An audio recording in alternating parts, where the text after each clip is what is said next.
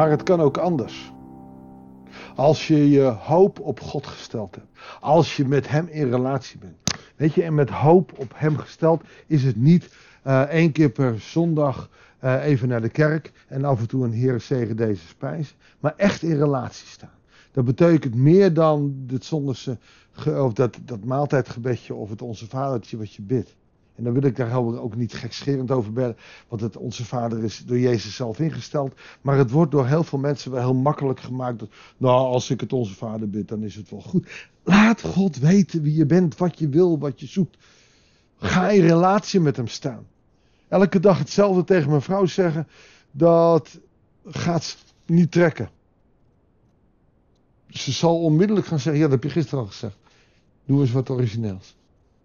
Relaties zijn belangrijk. En ook met God is relatie belangrijk. En soms heb je koningen die het wel goed doen. En daar, en dat vind ik een verademing in het hele boek Twee Koningen. Gaan we vandaag naar lezen. Goeiedag, hartelijk welkom bij deze nieuwe uitzending van het Bijbels Dagboek. We lezen Twee Koningen 18, de versen 1 tot en met 12. Hiskia, de zoon van Agas, werd koning van Juda in het derde regeringsjaar van koning Hosea van Israël. Zie je wel? Dat is de zoon van Ela. Hosea, nou, die had, uh, even weten, negen jaar of zo. Uh, in het derde jaar wordt uh, Hiskia de koning van Juda. Hij was 25 jaar oud toen hij koning werd. Is niet zo'n broekie, want je hebt ook zo'n hele kleine koning. Hij was 29 jaar regeerde hij in Jeruzalem. Dus best nog wel lang. Hij was toen 354. Zijn moeder was Abi, de dochter van Zacharia. Is uh, belangrijk voor die tijd te weten van wie ben je erin. Hij deed wat goed is in de ogen van de Heer. Net zoals zijn voorvader David had gedaan. Bam. Dat lees je niet vaak. Meestal staat er dan, en hij deed wat niet goed was in de ogen van de Heer. Maar deze koning Hiskia deed wat goed was in de ogen van de Heer. En dan wordt er gerefereerd net als David. Terwijl David zijn zonde had, maar wel zijn hart gericht hield op God. Hij verwijderde de offerplaatsen, verbrijzelde de gewijde stenen, haalde de asjerpalen omver. En sloeg de koperen slang die Mozes gemaakt had aan stukken. Hé, hey, dat is apart. Klaarblijkelijk is die uh, koperen slang er nog steeds. In de woestijn is die gebruikt toen ze door slangen gebeten werden. Om, om het kwaad onder ogen te zien. Zei God, laat ze een koperen slang maken en daarna toekijken. En die hebben ze dus bewaard. Die stond ergens nog. En die werd, daar werd wat mee gedaan.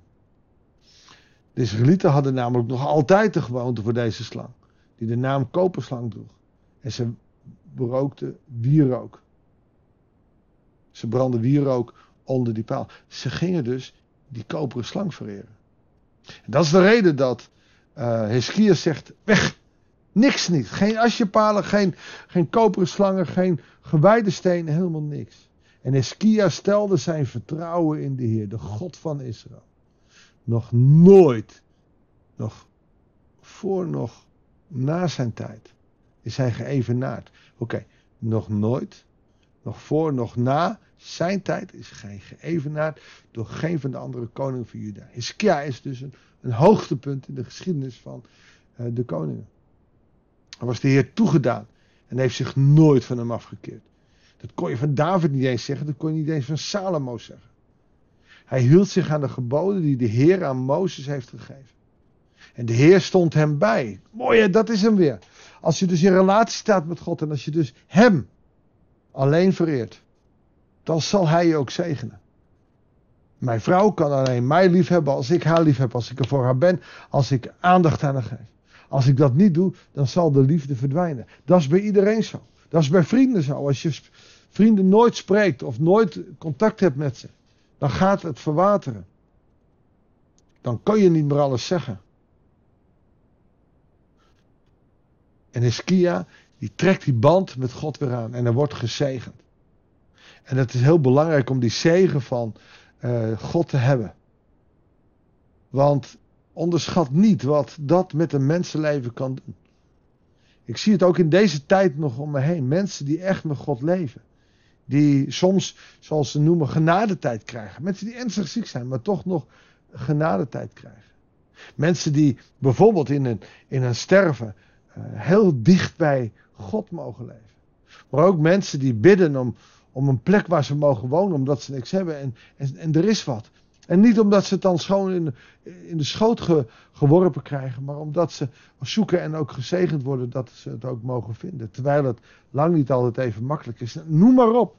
Er zijn er heel veel dingen te noemen. En soms vinden we die mensen zwevers en ze krijgen alles en wij niks. Ja, dan kunnen we over klagen. Maar op het moment dat we klagen over mensen, hoor, die, die krijgen we heel veel van God. Dan staan we dus niet in een goede relatie met de Heer Jezus.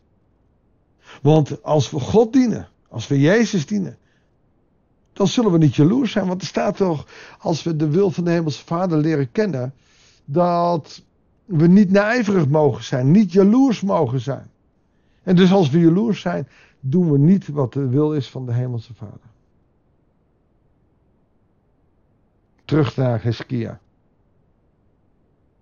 Hij was de Heer toegedaan. En heeft zich nooit van hem afgekeerd. Hij hield zich aan de geboden die de Heer aan Mozes had gegeven. De Heer stond hem bij, zodat Heskia alles wat hij ondernam tot een goed einde bracht. Hij kwam in opstand tegen de koning van Assyrië en weigerde nog langer dienst vasal te zijn. Hij was het ook die de Filistijnen terugsloeg. Het hele gebied tot aan Gaza en de omliggende dorpen veroverde. Van de kleinste wachtpost tot de sterkste vestingstad. In het vierde regeringsjaar van koning Hiskia, dus het zevende regeringsjaar van koning Hosea van Israël, trok koning Salmanassar, daar hebben we van geleden, gelezen in het vorige hoofdstuk, van Assyrië tegen Samaria op en belegerde de stad. Na een beleg van drie jaar in het zesde regeringsjaar van Hiskia, dus het negende regeringsjaar, ik ga regeringsjaar van koning Hosea van Israël werd Samaria ingenomen koning van Assyrië voerde de Israëlieten als ballingen naar zijn land, waar sommigen een woonplaats kregen aangewezen in Galach, anderen aan de rivier Gabor in Gozan en weer anderen in de steden van Medië. Dit gebeurde omdat de Israëlieten de Heer hun God niet gehoorzaam had.